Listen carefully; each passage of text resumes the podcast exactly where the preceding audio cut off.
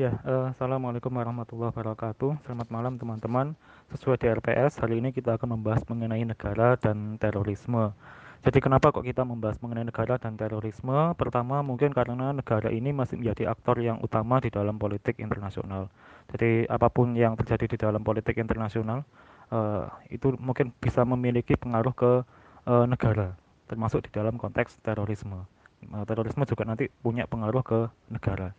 Uh, kedua, uh, kalau kita lihat kecenderungannya dalam sejarah terorisme, memang terorisme ini uh, sering me menargetkan target-target yang berhubungan dengan negara.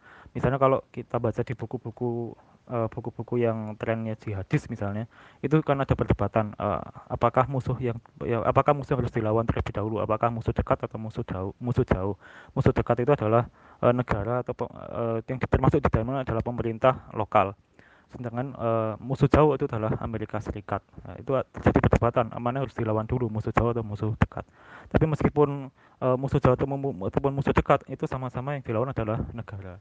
Jadi di sini kita kalau saya akan memfokuskan kepada bagaimana negara kemudian menyikapi terorisme atau bagaimana nanti diwujudkan dalam eh, tindakan-tindakan uh, terorisme dan nanti ini mungkin ada kaitannya ya dengan pertemuan berikutnya setelah UTS dengan deradikalisasi. Cuma nanti pembahasannya uh, agak beda. Jadi yang hari ini kita akan membahas fokus kepada uh, counter terorisme mungkin nanti juga akan didapatkan oleh Prof. Dias dan Mbak Reni uh, di teori apa sekuritisasi juga. Ya, uh, untuk membahas mengenai negara dan terorisme, dan di sini uh, fokus saya ada di counter terorisme apa yang kemudian dilakukan oleh negara untuk mengantisipasi terorisme. Di sini saya mengambil dari bukunya Understanding Terrorism, Challenge, uh, Perspective and Issue, uh, tulisannya Gas Martin. Di sini di bab di bab 13 dibahas mengenai counter terorisme dan opsi-opsi yang ada di dalam counter terorisme. Jadi dibahas uh, apa sih uh, yang dilakukan oleh negara untuk uh, melakukan counter terorisme ya. Cuma memang di buku ini sifatnya hanya deskripsi ya, deskriptif uh, nanti kalau pendalaman lebih lanjut mungkin kita nyari ini ya uh, literatur yang uh, literatur lain untuk membahas mengenai uh, metode counter terorisme. Tapi kalau di buku ini sifatnya hanya menggambarkan aja, hanya mendeskripsikan pola-pola yang biasanya dilakukan oleh negara untuk uh, melakukan counter terorisme, berbagai opsi dan berbagai ya berbagai opsi atau berbagai apa pilihannya. Ya, di bukunya Gas Martin ini dideskripsikan misalnya uh, salah satu in, mod, apa, model instrumen yang sering digunakan negara untuk melakukan aksi counter terorisme itu misalnya dengan menggunakan uh, instrumen militer. Jadi instrumen militer itu uh, bisa sifatnya rahasia, operasi militer secara rahasia atau operasi militer secara terang-terangan atau operasi ini menggunakan operasi militer tapi menggunakan pesawat tanpa awak. Jadi ini yang menjadi tren belakangan ini ya. Uh, kalau kita lihat memang trennya itu uh, tiga-tiganya ini biasanya dipakai oleh negara termasuk negara yang besar. Misalnya kalau kita lihat Amerika Serikat itu ketika mereka memburu uh, pelaku terorisme, mereka mengerahkan militer, meng melakukan aksi militer ya dengan invasi ke Afghanistan dan juga ke Irak.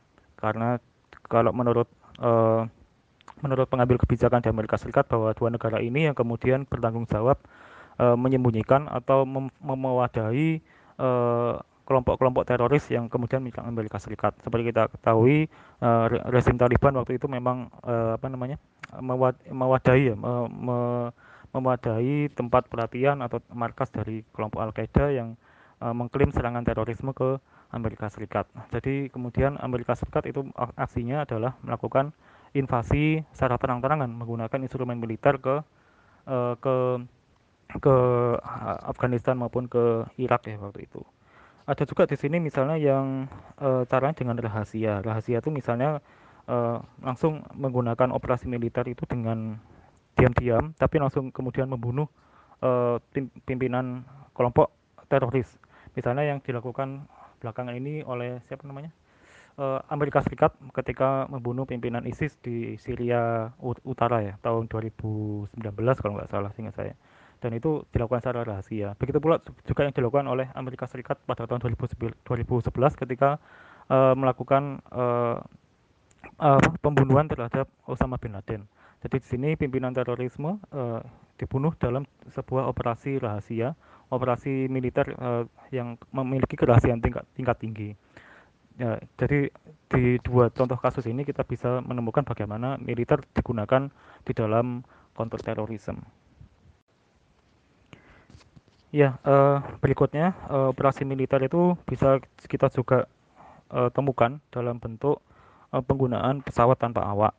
Jadi kalau di bukunya Gas Martin itu disebutkan uh, data-datanya dari tahun 2004 sampai 2010 uh, berapa aja serangannya yang dilakukan oleh Amerika Serikat terhadap kelompok-kelompok yang dianggap teroris uh, dan berapa jumlah uh, personel teroris yang kemudian berhasil dibunuh di dalam serangan pesawat tanpa awak.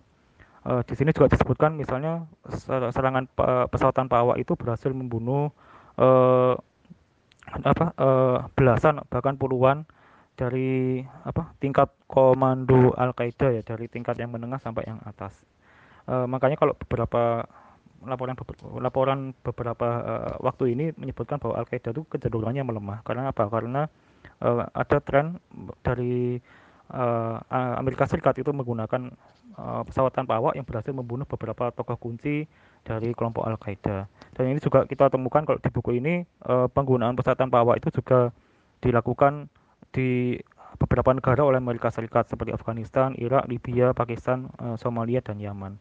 Jadi menurut buku ini, menurut literatur ini bahwa penggunaan pesawat tanpa awak merupakan salah satu uh, cara dari counter terorisme yang yang yang paling update. Ya, instrumen kedua menurut Gas Martin uh, yang dilakukan oleh negara ketika ingin melakukan counter terorisme itu dengan bisa menggunakan sanksi ekonomi. Cuma kalau di Gas Martin, sanksi ekonomi itu uh, contoh kasusnya itu uh, negara memberikan sanksi ekonomi terhadap negara lain yang dianggap uh, memadai atau memfasilitasi uh, terorisme. Ini kalau di, di bukunya Kasmatin dicontohkan misalnya bagaimana Amerika Serikat memberikan sanksi ekonomi kepada Libya karena Libya dianggap tidak mau menyerahkan uh, terduga teroris yang meledakkan uh, pesawat pada tahun 88.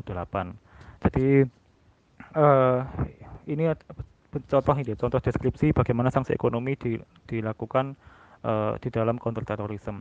Tapi kalau kita lihat di kasus-kasus yang terbaru uh, ternyata uh, negara itu juga bisa membekukan aset individu yang dianggap dianggap uh, bertanggung jawab uh, menyebarkan uh, paham terorisme ya, atau mendukung aktivitas terorisme. Misalnya bagaimana Amerika Serikat atau beberapa negara lainnya membekukan uh, aset yang dimiliki oleh, oleh Usama bin Laden. Sama juga Arab Saudi itu juga um, uh, Arab Saudi juga pernah membeku, membekukan aset ya dari uh, Usama bin Laden seperti itu. Jadi ini beberapa uh, contoh ya, beberapa contoh bagaimana ekonomi sanksi ekonomi bisa digunakan sebagai instrumen dari kontrol terorisme.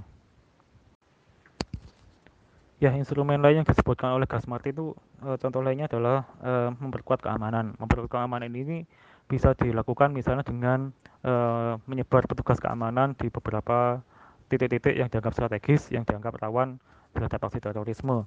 Atau contoh lainnya dengan memperkuat keamanan di bandara. Jadi kalau bandara itu kalau dulu kan misalnya nggak nggak seketat seperti yang sekarang kan ya. Jadi kalau sekarang kan diperiksa beberapa kali, kemudian di di apa uh, dicek ya dicek beberapa kali nah ini merupakan salah satu bentuk uh, inti dari eh maaf merupakan salah satu bentuk dari counter terorisme uh, dengan cara memperkuat uh, keamanan atau di, di dalam beberapa kasus di beberapa negara uh, memperkuat, memperkuat keamanan ini uh, juga dilakukan misalnya mendirikan pos-pos dan mendirikan ini uh, tembok ya, mendirikan tembok besar seperti yang dilakukan oleh Israel. Israel kan seperti itu, mendirikan pos-pos di wilayah strategis dan mendirikan tembok sejauh berapa puluh uh, atau kilometer ya untuk membatasi uh, uh, aksi terorisme yang uh, yang akan atau yang uh, akan dilakukan di wilayah Israel. Jadi ini merupakan salah satu bentuk dari uh, yang dilakukan oleh negara.